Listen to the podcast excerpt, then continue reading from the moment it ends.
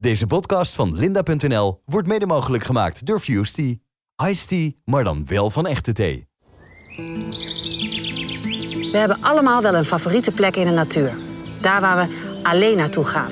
Om te unwinden. Meestal in stilte. Maar vandaag even niet, want ik ga mee. In Geen Blad voor de Mond ga ik, Leonie ter Braak... al wandelend in gesprek met bijzondere gasten... op een voor hun bekende en geliefde plek. Een plek waar zij tot rust komen. Of een bijzondere herinnering hebben. Vandaag mag ik de queen van het interview interviewen. Janine Abbering, programmamaker, journalist, schrijfster, presentator, vogelaar... en niet te vergeten, een van de allergrootste natuurliefhebsters die ik ken. Janine en ik hebben wel eens vaker samen gewandeld. En toen waren we natuurlijk heel openhartig, heel persoonlijk. Ik ben dus heel benieuwd waar we vandaag uitkomen. Juist om ergens lucht bij te brengen, weet je, om even die ballon zo leeg te laten lopen, is het juist goed om een keer eh, een goede harde grap te maken en te denken, oh ja, je kunt er ook om lachen. Hallo, Goedemorgen. zit je daar lekker? Ja, goed hè? Ik denk, ik ga er even bij zitten. Wat is het mooi hier. Gaaf hè? Ja, echt. Ja, Echt. dus, eh, ja, ik beschouw het een beetje als mijn achtertuin eigenlijk. Dit grenst echt aan je achtertuin? Ja. Ja, ik heb niet echt een tuin, maar dit is, dit is dan mijn tuin. Wauw. Ja. Het is ook zo open. Ja, het is en bos en hei, dus een beetje best of both worlds. Ja, het is echt een hei. Want als we nou helemaal doorlopen, hè, helemaal rechtdoor, waar kom ik dan uit? Je kunt eh, naar Bussum lopen hier helemaal. Of eh, richting eh, Laren. Maar dat, ik ben, die kant ben ik nooit op geweest. Maar je kunt oneindig doorlopen hier. Ja, want we zijn nu in Hilversum, voor de duidelijkheid. Echt gooi. Ja, Gooise vrouw. Jij woont daar, ik woon daar. We zijn daar twee Gooise dames. Ja, ja. Zittend op een boomstam. Zit op een boomstam. Maar het is een wandelpodcast, toch? Het is een wandelpost. Ja, want is dit jouw wandelroute dan? Ja, dit is ehm, waar we nu eh, zeg maar ja, we gaan lopen. Is een beetje mijn, eh, mijn ochtendrondje. Wat ik dan met de honden eh, s ochtends doe. Oh, je hebt verschillende rondjes. Ja. Een ochtendrondje, wat heb je nog meer? Ik heb een ochtendrondje en een, een, een lang rondje en een heel lang rondje. Want je kunt ook helemaal... Er is hier een hek vanwege de Schotse hooglanders en de schapen. Je kunt helemaal langs het hek ook helemaal rondlopen. En dan ben je ongeveer anderhalf, twee uur verder. En dat doe je ook? Ja, niet elke dag, maar Nee. soms wel. Ja. Met de honden? ja, En je hebt er nu twee. twee. Ja. Twee honden. En een man. En een man, ja. Een Zweedse man. Ja. Die loopt dan met je mee? Ja, die loopt veel meer dan ik. En dan hoor je nou die vogel. Dat is een, die we de hele tijd horen. Ja, hij is nu ver weg. Dit is een merel, volgens mij. Maar ik moet oppassen, want ik heb bij Vroege Vogels gewerkt. Als ik het verkeerd zeg, dan eh, krijg ik boze brieven. Ik heb al mijn hoop op jou gevestigd vandaag. dat jij weet dat ik elke vraag ga stellen aan jou tijdens deze wandeling. Want jij weet alles. Nee, ik weet het dan. Wel. Sorry. Kom, gaan wandelen. Ik ga bluffen.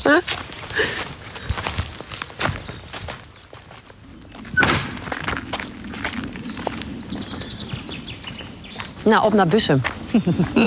Dit is een oude grafheuvel. Dat is ook het enige wat ik ervan weet, dat het een grafheuvel is. Maar dat is niet iets daaronder begraven dan? Zou, ik zou echt moeten googlen. Maar daar- daarachter is ook een grafheuvel. Ja, dit zijn twee heel oude grafheuvels Oh. hier. Ik weet dat omdat ze... Er is heel af en toe sprake van weer dat ze weer een soort de snelweg willen doortrekken. En ook hier, et cetera. En dan, dan is de hele buurt meteen helemaal in Nee paniek. toch? Dat gaat toch niet gebeuren? En dan is dan meteen het argument van... nee, nee, want de grafheuvels, weet je wel... dat is dan eh, historisch eh, erfgoed. Oh, moet je voorstellen dat ze dat doen, nee. Ja, nee, dan ga ik, echt, ga ik me echt, echt vastketen aan een boom hier. Help ik je mee. Dan gaan we helemaal een ehm mediarel ervan maken. Aan eh, alle kanten. Ja, serieus. Nou, Gelukkig, ze hebben jou. Ja, dan, dan ga ik wel weer op En in zondag media. met nu gaan we het weer hebben over Over de de- snelweg.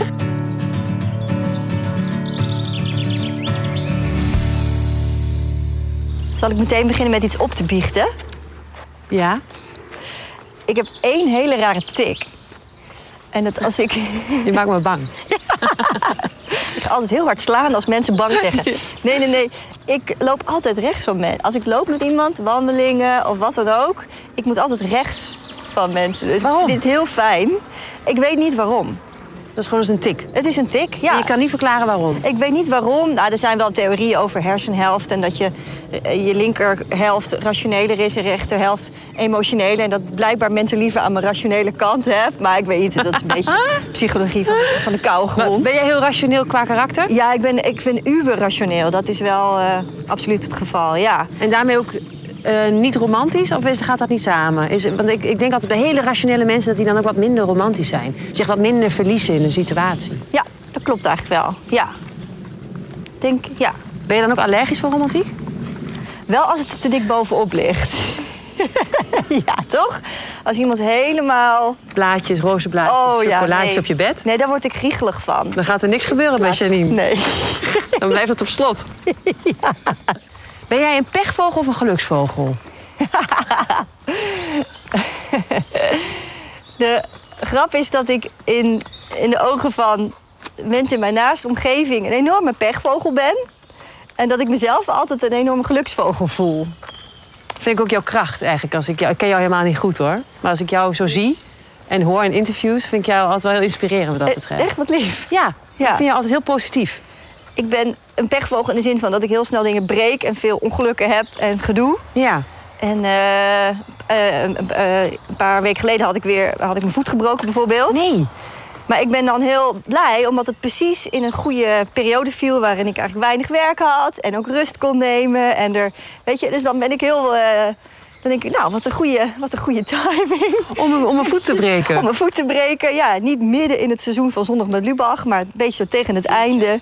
Maar Dus, breek je eh, dan zo vaak iets dat je dus zo al denkt? Ik breek wel, ja, ik heb wel eh, een arm, een been, een teen, een rug, een voet. Jeetje. Ja, Ja, en je rug is natuurlijk van wie is de mol. Hè? Dat je van die klif bent gesprongen en toen je rug brak. Daar heb je op dagelijkse basis nog last van, hè? nou ja, als ik genoeg blijf sporten, dan valt het wel mee. Oké. Ja, dus dat is een beetje, als ik dan zo'n voet breek, is het een beetje onhandig, want dan kan ik weer niet sporten. En dan voel je ook die rug meteen weer. Maar als ik gewoon keurig eh, veel blijf trainen, twee, nou, drie keer in de week wel, en, en yoga blijf doen, dan, eh, dan is het eigenlijk wel oké hoor. Ja. Wat doet de natuur dan met jou als jij aan het wandelen bent? Ehm, nou, ik vind het lastig te omschrijven, omdat je natuurlijk heel snel in clichés vervalt over dat je dat je je rustiger voelt en dat je je hoofd wat leeg kunt maken. Maar dat is wel het geval. Volgens mij, ze hebben wel eens wetenschappelijk aangetoond dat als je op een kantoor werkt en je kijkt naar een screenshot van een natuurgebied, dat je bloeddruk dan al omlaag gaat en dat je dan al eh, je ademhaling wat rustiger wordt en dat dat je al rust geeft. Dus dan kan je nagaan wat echte natuur eh met je, Is, met is je dat doet. echt? Dit hoor ik echt voor het eerst. Ja. Want het, Ja. het klinkt als eh, moeders die moeten kolven. En om de stuwing op gang te krijgen, moet je kijken naar een foto van je baby. Oh, echt? Ja, wat goed. Ja. Dus dat is hetzelfde als met een natuurfoto om voor je bloeddruk. Grappig.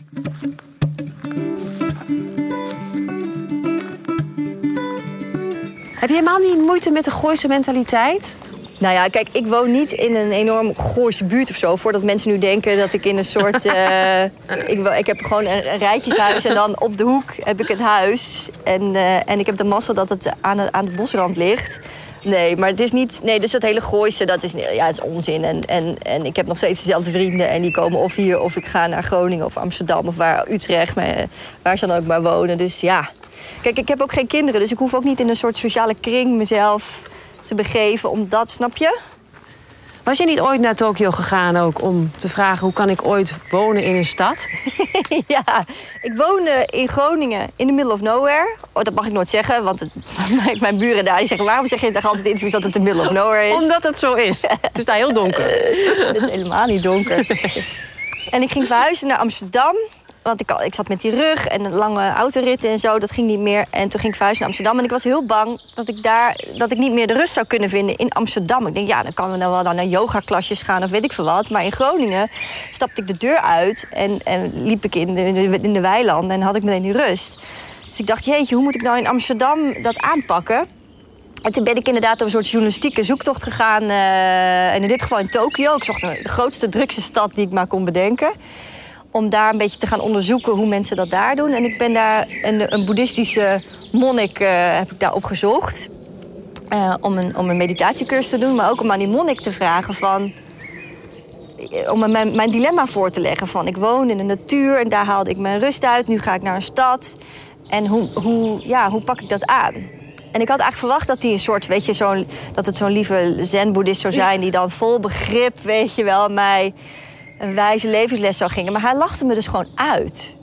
Ja, echt zo... eh, wel op een lieve manier hoor, maar gewoon hij zei van ja, wat een onzin. Die rust, die hoor je in jezelf te vinden. Dat is niet iets wat, ja, je kunt ook mediteren op de wc of in je auto. En daarvoor hoef je niet in een in een Groene omgeving. groene omgeving te wonen. Ik dacht ook, ja, jij hebt lekker makkelijk praten hier eh, in je tempel met je aangehakte grindtuin. zonder enige prikkels. dat dacht ik ook. Maar, maar het was wel een wijze les. Dat ik dacht van ja, dat is En dat geldt natuurlijk voor jou ook. Wat je zegt, als je je ergens thuis moet voelen, ja, dat moet je zelf. Je moet er zelf iets van maken. Dat huis in Groningen heb ik ook gekocht toen ik begin twintig was. Terwijl iedereen zei, je bent gek. Je gaat toch niet in je eentje in the middle of nowhere in Groningen wonen. En dat ik dacht, ja, maar dat wil ik. Ik wil in de rust wonen. En die drukte zoek ik wel op. Ja, maar in dat- plaats van andersom. En dat vind ik zo leuk aan jou. Is dat bij jou merk ik en voel ik heel duidelijk dat jij heel goed weet wat je wil. En wat bij jou past. Ja. En dat kompas is bij jou volgens mij heel sterk en dat volg jij. Ja. Ja, nou, dat, zo ben ik dus helemaal niet en dat bewonder ik.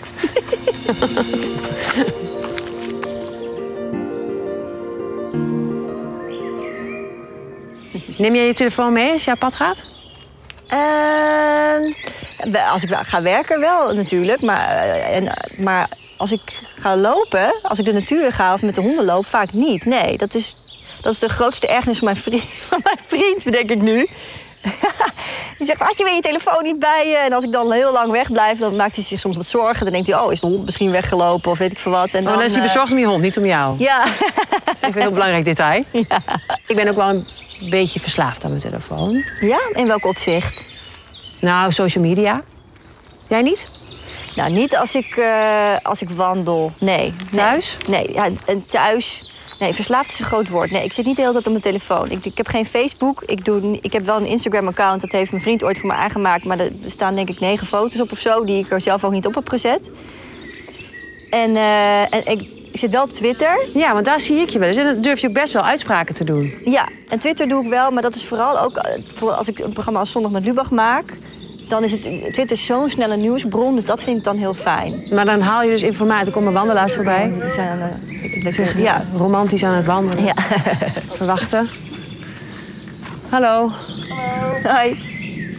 Maar je hebt ook wel eens discussies op Twitter, zie ik. Ook wel eens voorbij komen, toch? Dat, dat jij durft dan wel iets te zeggen. Een statement bijvoorbeeld, of dat je iets vindt. Of dat je reageert op iemand die iets vindt. Ja, maar daar is, daar is Twitter ook wel voor, toch? Om af en toe die discussie aan te gaan. Ik Vind je dat wel, niet spannend? Nou, ik kies wel zorgvuldig op wie ik wel of niet reageer. Dat moet ik wel zeggen. Ik ben wel voorzichtiger geworden. Vroeger eh, gooide ik veel meer dingen op Twitter en dan was ik daar makkelijker in. Maar tegenwoordig is het, je hebt bepaalde websites die ik hier niet ga noemen... die elke tweet die ook maar enigszins persoonlijk over mij gaat uitpikken... en daar een soort nieuwsbericht eh, van maakt en het volledig uit de context haalt. En dan staat er altijd meteen Janine Albring woest, want, dubbele punt. Terwijl ik ben dan helemaal niet woest, maar ik ben gewoon in discussie. Ik denk dat ik weet welke website je bedoelt. Ja, dus daar ben ik wel voorzichtiger in eh, geworden. Wat ook jammer is eigenlijk. Maar daar kan je toch ook gewoon scheid aan hebben? Aan zo'n website die dat dan maakt? Ehm, ja, maar er kijken best wel veel mensen op. En heel veel mensen, ook mensen van wie ik dat niet zou verwachten, nemen het best wel serieus. Kritiek. Kan je daarmee omgaan? Ik kan heel goed doen alsof ik er goed mee om kan gaan. Maar ik vind het best wel. eh, ja, ik trek het me meer aan dan ik denk ik eh, zou willen toegeven. Komt dat? Ja, het is gewoon als er, als er twintig mensen online ergens zeggen hoe fantastisch je als zomergastenpresentator bent. En de 21ste is iemand die zegt die vrouw kan er geen ruk van en ze moet ook een zak over de hoofd trekken. Ja, die reactie blijft je langer bij.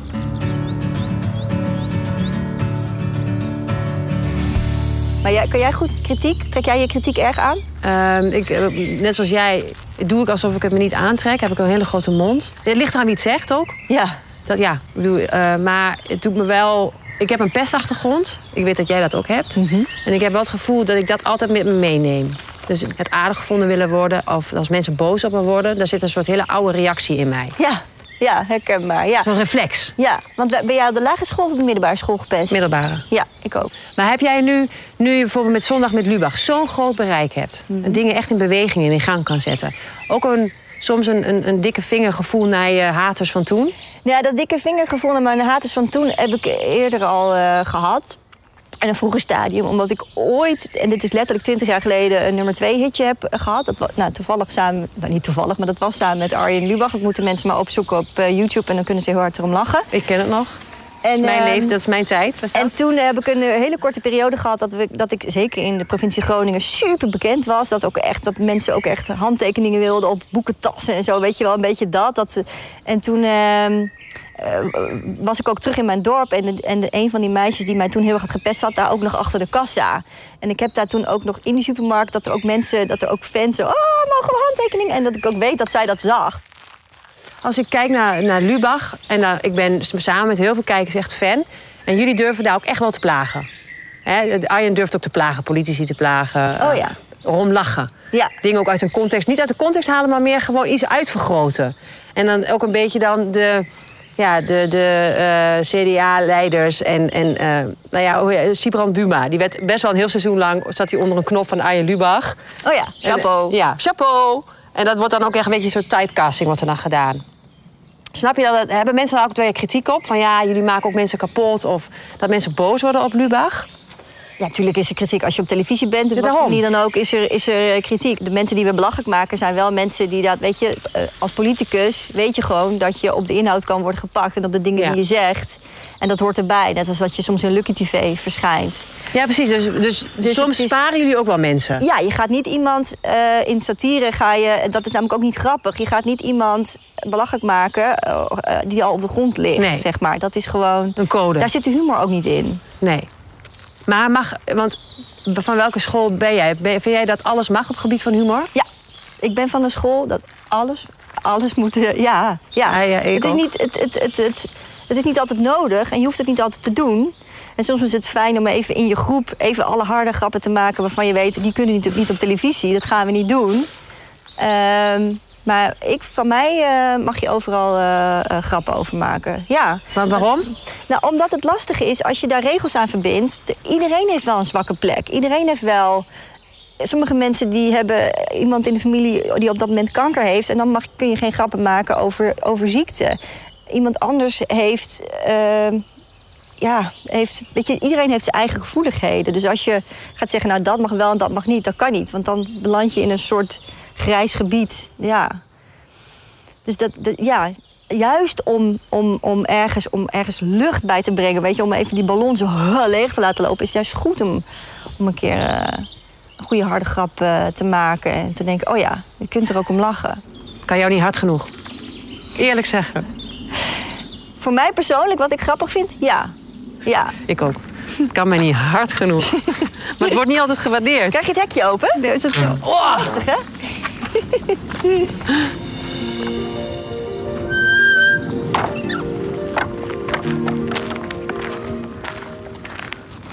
Heb je wel stoute dingen gedaan in de natuur? Het. Ik wist, als ik met jou ga wandelen, dan gaat het over seks. Ik vind dat ik nog heel lang heb volgehouden. Nou, ik vond het ook. Ik praat het liefst de hele dag over seks. Mijn lievelingsonderwerp. Ik praat ook heel graag over seks. Maar het onhandige is inderdaad als je het doet bij zoiets. Als het op beeld is of, of eh, voor een podcast of wat dan ook en zo.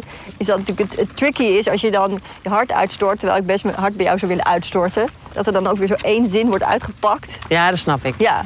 Maar, maar nooit gedaan dan? Nou, niet hier. niet, Niet hier. Niet op de haai of in een bos. Ik heb wel een keer op een Australisch eh, strand, eh, lang, lang, lang geleden, Wow. een eh, amoureuze avonturen beleefd. Ook met een Zweed. Mijn huidige vriend is Zweeds. En die jongen was ook eh, Oh, Zweeds. net zo knap als jouw huidige vriend ook. Ja, wel een beetje hetzelfde, hetzelfde, Oh, ja? type. Ja. Oeh. ja. Hoe heette hij? Hij had een hele absurde naam. Hampoes. Ja, maar dat schijnt in Zweden een heel normale naam. Hampoes? Ja, dat Maar dat schijnt dus in Zweden een heel normale naam te zijn. En dat, daar knapte je niet op af. Ik knapte niet, nee, het was echt een heel knappe, leuke, leuke man. Ja. Maar dat was dus in, in Australië op het strand. Maar ik vind seks Ja. op het strand Oh. vind ik zwaar overschat. Ik bedoel, ja, sorry. Sowieso is Het klinkt seks- heel sexy en leuk. Nee, seks buiten eh, bed, bank, Ik eventueel aanrecht, alles daarbuiten is, Ik vind het is overschat. Ja. Toch? Je krijgt ook zand op plekken waar je het niet wil hebben en zo. Maar is jouw vriend nu, je huidige vriend, is hij een beetje experimenteel? Zo van, stelt hij wel eens dingetjes voor? Of doet hij dat niet? Nee. Zoenen dan? Kus je in het openbaar? Want dan ben ik, Ja. dat doen wij. Ja, dat doe ik dus niet. Jullie wel? Ja, natuurlijk. Ja. Nee, maar echt zoenen, hè? Dat je even helemaal in elkaar opgaat. Hier in de hei. Nee, dat niet. Op de nee, hei. Nee, ja, jij zei in het openbaar. Ik geef hem wel een zoen in het openbaar. ja, maar ik ga, hij schat. Maar ik ga niet, meer- staan, ga niet gaan staan, niet staan tongen naast de brem of zo. Ja, dat deed ik dus 15 jaar geleden nog wel. Stond ik gewoon overal te tongen met hem. Heerlijk. Nou, misschien moet je het eens initiëren. Nee, maar ik doe het niet meer. Ik vind het stom. Van die veertigers die daar elkaar helemaal staan af te lebberen. Nee, vind ik niet meer. Ik... Kan je iets sexy zeggen in het Zweeds? Nee, ik weet wel hoe je kunt zeggen hij is dronken. Han en vol. Grappig is, zijn moeder is Pools, dus hij spreekt ook vloeiend Pools. Oh, wauw. En dan is het echt een andere man. Dus als hij Zweeds praat, is dat is echt wel heel sexy. Ja. Maar Pools is weer, dan ben je een soort bondvillain. Zo klink je dan eh, echt. Ja, dat is echt een heel andere energie weer. Wat is jouw mooiste ervaring in de natuur? Wat je altijd is bijgebleven? Ehm, even denken, dat zijn natuurlijk zo... f- Eentje die me heel hel- helder voor de geest staat... maar dat was niet in Nederland, dat was op Saba. Ik mocht ooit eh, voor Vroege Vogels eh, televisie naar, eh, naar Saba. Een van de, ja, eigenlijk een Nederlands eiland. En daar heb je een heel grote hoge berg, een vulkaan eigenlijk... die je helemaal kunt beklimmen en die gingen we beklimmen.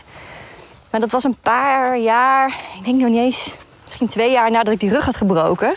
Dus ik had een beetje gebluft ook tegen, me op, tegen, tegen, weet je, tegen de omroep van, ja, dat kan, ik kan dat wel. Maar ik wist helemaal niet of ik fysiek wel in staat zou zijn om zoiets heftigs eh, te doen. Maar ik dacht, nou, ik doe, ik doe dat gewoon. Dus toen zijn we die berg gaan beklimmen, best wel pittig. Het regende ook keihard en dan ga je dus helemaal door tropisch regenwoud ga je zo die vulkaan op. Het is echt fantastisch. En ik weet nog dat ik op een gegeven moment liep en ik had een rugzak om, beetje zoals jij nu loopt.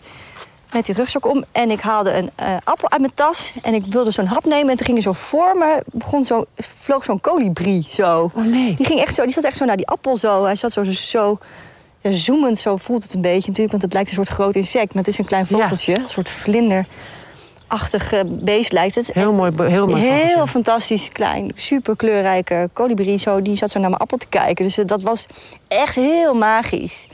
En uiteindelijk hebben we de top eh, bereikt. Ik weet dat nog heel goed. En ik, het was zo'n overwinning voor mij fysiek om te denken: dit, dit kan ik gewoon, dit heb ik gedaan. Ik ben niet eh, ingestort en mijn rug heeft het gehouden. En het was, het was zo'n cliché-verhaal van je gaat naar de top vanwege het uitzicht met een ploeg, weet je wel. En toen zat die hele top zat midden in een wolk, dus er was geen ruk te zien.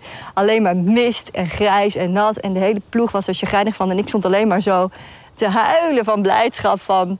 Ik heb gewoon een berg beklommen, weet je. Ik heb gewoon Ik kan het weer. het was het, ooit was het de vraag van, kan ik wel weer goed lopen? Eerst was de vraag, kan ik überhaupt weer lopen? Nou, dat wist ik snel dat het wel weer kon. Toen was de vraag, kan ik weer normaal lopen? En nu, nu had ik gewoon een berg beklommen, ja. Wauw. Ik denk dat dat wel in de natuur een van de gelukkigste momenten van mijn leven was, ja. Nog heel veel op het bankje zitten.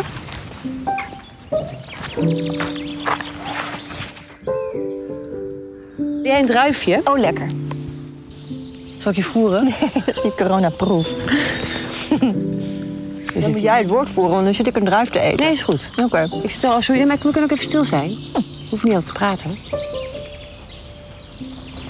Ik weet niet of even stil zijn voor een podcast heel goed werkt, Leonie. Ja, maar dan is het niet stil. Dan horen mensen toch ook nog vogels? Ik durf niet te smakken.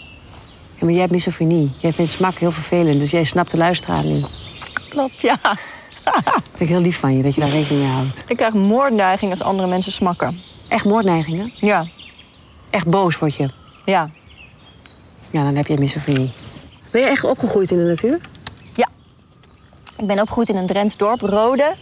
Echt in de bossen. Mijn moeder nam ons ook altijd mee eh, de bossen in. En ehm, ik had een soort tweede moedertje ook in Zeeland. Mijn moeder die, eh, was... Mijn, mijn biologische echte moeder, dat klinkt een beetje gek... maar mijn moeder was vroeger nog wel eh, regelmatig eh, ziek. En haar beste vriendin had een boerderij in, in Zierikzee. En dan als het thuis wat minder goed ging... of als ik een soort ontsnappingsgevoel had... dan nam ik wel eens ook, toen ik heel jong was... gewoon de bus naar Groningen en dan de trein naar Goes en dan de, en dan de bus van Goes naar Zierikzee en dan naar de boerderij. Hoe lang was je onderweg even in? Ja, wel lang. Dat is drie uur, denk ik. ja, en dan, eh, en dan was ik daar een tijd eh, op de boerderij eh, van, mijn, van mijn tweede moedertje, Annie. Zo noem, ja. Ah, ja, bijzondere vrouw? heel bijzonder. Ja, enorme dierenvriendin ook. Ik denk wel dat de, de, de klap van de molen, zeg maar, qua dierenrechten en het dierenactivisme, dat heb ik wel echt van haar meegekregen. Wij, ze had wel een melkveebedrijf, dat klinkt heel dubbel. Maar eh at bijvoorbeeld ook al eh, geen vlees. En haar dochters eh, ook, waren ook allemaal vegetariër. En als we dan, we gingen wel samen naar zee. En als we dan terugreden, dan reed ze echt met, nou, ik denk 20 kilometer per uur over de dijken. Want aan het eind van de middag in de schemering konden er wel eens konijnen voor de auto schieten. Dus dan gingen we echt zo'n slakkengang, reden we dan terug naar de boerderij. Ja, ik weet ook nog, ik kan me herinneren dat er een muizenfamilie in de oven zat op een gegeven moment. En in plaats van dus die muizenfamilie te verwijderen, mochten we gewoon die oven maandenlang niet gebruiken. dat, was echt, dat was echt typisch Annie. Mooi. Ja. Het was niet vies daar. Nou, als kind eh, eh, kijk je daar, let je daar toch niet zo op. Ik denk dat het vroeger best wel een beetje een bende was. Maar eh, ja, wat wil je met zoveel katten en honden en eh, een paard die af en toe ook de keuken in mocht. Ja, ik vond het fantastisch. Een soort Pipi Langkous. Ja, Heerlijk. Heerlijk om zo'n adres ook te hebben in je ja, leven. ja.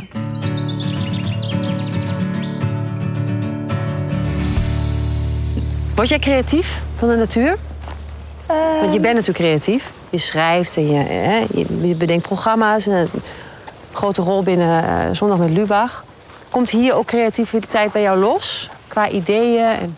Ja, en het is niet zo dat ik met een notitieboekje of zo op de hei loop. Maar ik denk wel dat om creatief te zijn, je ook af en toe inderdaad je hoofd leeg moet kunnen maken. En dat heeft vooral die functie. Net als dat bijvoorbeeld, ik weet niet hoe dat met jou zit, maar bijvoorbeeld als ik hard heb gesport en daarna douchen bijvoorbeeld of zo. En dan, en dan even, even, als je dan even zit uit te puffen, vaak borrelen dan, of onder de douche zelfs nog, borrelen dan een beetje de, de, de dingen op of de ideeën op. Omdat je dan een soort van, ja, ik denk dat je dan ruimte hebt in je hoofd. Maar dan moeten ze wel op papier. Dan moeten ze wel op papier, ja. Want een idee is natuurlijk altijd nog iets in je hoofd. En dan moet je het tastbaar gaan maken. ja. Dat, dat, dat, Ja. hoe, hoe doe je dat? Want jij schrijft natuurlijk ook voor... We hebben bijvoorbeeld Zondag met Lubach. Ja, deels hoor. Ja, nee, niet- natuurlijk. Je ja. bent met een heel team. En daar heeft iedereen natuurlijk een, heeft een grote rol daarin. Maar ook Ja. jij. Nou ja, ik ben, meer, ik ben inhoudelijk uitverantwoordelijk inderdaad. En heel af en toe als er bijvoorbeeld bij liedjes of dingen... en ik maak de filmpjes en soms schrijf ik wel mee. Ik ben niet een van de schrijvers, maar ja, conceptueel gezien denk ik wel mee met dingen inderdaad. Ja, Beoordeel Ja. jij dan ook bijvoorbeeld een grap? Als het is uitgeschreven? ja tuurlijk. Wat maakt, weet je, hoe weet je of een grap werkt dan? Dat vind ik altijd zo fascinerend. Nou, Want dat is heel makkelijk. Is, ja, is dat makkelijk? Ja, als er bij ons heel veel mensen op moeten lachen, dan werkt die. Ja, maar dan moet hij nog wel worden geschreven. Dus hij moet, Ja. Arjen moet hem dan wel herproduceren op beeld. Ja. En dan moet hij nog steeds qua timing kloppen. Ja, nou ja, Arjen heeft natuurlijk heel veel impro-ervaring en heel veel comedy-ervaring. Dat is natuurlijk een groot voordeel.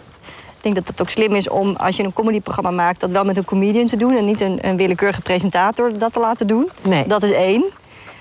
En twee, eh, wij hebben altijd de stelregel gehouden... wat vinden we zelf grappig? Dus als je in die brainstorm zit, vergaderingen... of er is in een klein clubje iets geschreven... en we lezen iedere dag werd er dan in groepsverband dingen weer gelezen... en als er dan, als er dan binnen ons team hard om werd gelachen... dan is het oké. En dat hebben we eigenlijk altijd als graadmeter gebruikt. En het is nooit... Maar wat maakt een goede grap dan? Wat maakt een grap goed? Een grap is, nou ja, dat is heel lastig, daar is niet echt een formule voor. Voor ons maakt een grap bijvoorbeeld goed als het niet bijvoorbeeld een eerste gedachtegrap is. Dus niet iets is wat iedereen op Twitter al heeft gezegd... of wat, wat iedereen zijn eerste associatie bij iets is. Ja, maar dat is moeilijk. Dat moet er eerst even uit. Dus Ja. dat moet je wel gewoon ook misschien op papier zetten... en even allemaal noemen en zo. En daarna moet je kijken, maar wat zit er dan achter? Wat is er dan twee? En wat bij humor vaak zo is... is als jij als ontvanger van de grap, zeg maar... het idee hebt dat je er een beetje moeite voor moet doen... dus dat je denkt, oh ja, ik snap hem... dan vind je hem ook grappiger. Maar het is niet zo dat... Oké, wacht even. Tenzij je natuurlijk van slapstick houdt of zo. Dat is weer een ander genre. Ja. Maar als je het hebt over satire... Met een meer, meerdere lagen dus? Ja, dan heb je een soort van kloofje eigenlijk die mensen over moeten. Dus ze moeten van de ene kant naar de andere kant kunnen springen Ja. om te snappen. En die kloof moet precies zo groot genoeg zijn dat mensen voelen van... oh ja, ik ben slim genoeg om dit te Ja. snappen. En als de kloof te groot is, dan flikkert de ge- ontvanger van de grap in de kloof... en dan ben je nergens. Dus hij moet ook weer niet te ingewikkeld zijn. Nee, maar dan gaat het dus om dat ik als ontvanger eigenlijk mezelf complimenteer dat ik slim genoeg ben dat ik, de- dat ik de grap snap. Ja, Wauw, dat is heel, dat ik een hele leuke. Oké, dat is ook eigenlijk weer een compliment naar alle kijkers die dan dubbel op de bank liggen. Ja. En die nu zitten te luisteren. Ah, ik ben, ik ben slim. ik denk, ik snap hem. Ik snap hem. Ja, Ja, dat gevoel moet je dus hebben. ja. Her- mensen vinden herkenbaarheid ook fijn, toch? Ik snap hem, ik herken het. Ja. Ik voel het ook, of ik ben het er helemaal niet mee eens, maar het is toch grappig. Ja. Is het niet iets wat, wat intens gelukkig maakt, mensen aan het lachen maken? Ik denk wel, ja, ik, als, ik, als ik het op een podium zou kunnen, dat kan ik niet. Dat, en, en, en ik heb dat natuurlijk. eh, ik heb comedians als vrienden en die zie ik dan eh, op een podium staan en dat doen en zo. Dat, is, dat lijkt me een ultiem gevoel inderdaad. Als je een hele zaal aan het lachen kunt maken, dat is, dat is echt. Dat moet als een soort drugs voelen. Ultiem geluk. Ja, Lijkt mij het. ook. Ja. Niets is zo belonend. Al is het in het klein. ja, als iemand hard om je grap lacht. Je ouders of je, je, je zus of Ja. iemand, eh, je man, en die ligt helemaal dubbel. Ja. Dus mijn, kan mijn dag alweer niet stuk. Toch? Mag ik jou bedanken voor deze wandeling Nou, jij bedankt. Ik vond het heel gezellig. en het gesprek? Ja, leuk. Heb jij nog een mailadres van die hampus, denk je? Ik, weet, ik had hem op Facebook, maar ik zit niet meer op Facebook. Zou je niet willen? Ik zou wel willen weten hoe hampus eruit ziet. Deze podcast van linda.nl werd mede mogelijk gemaakt door Fusty. Iced tea, maar dan wel van echte thee.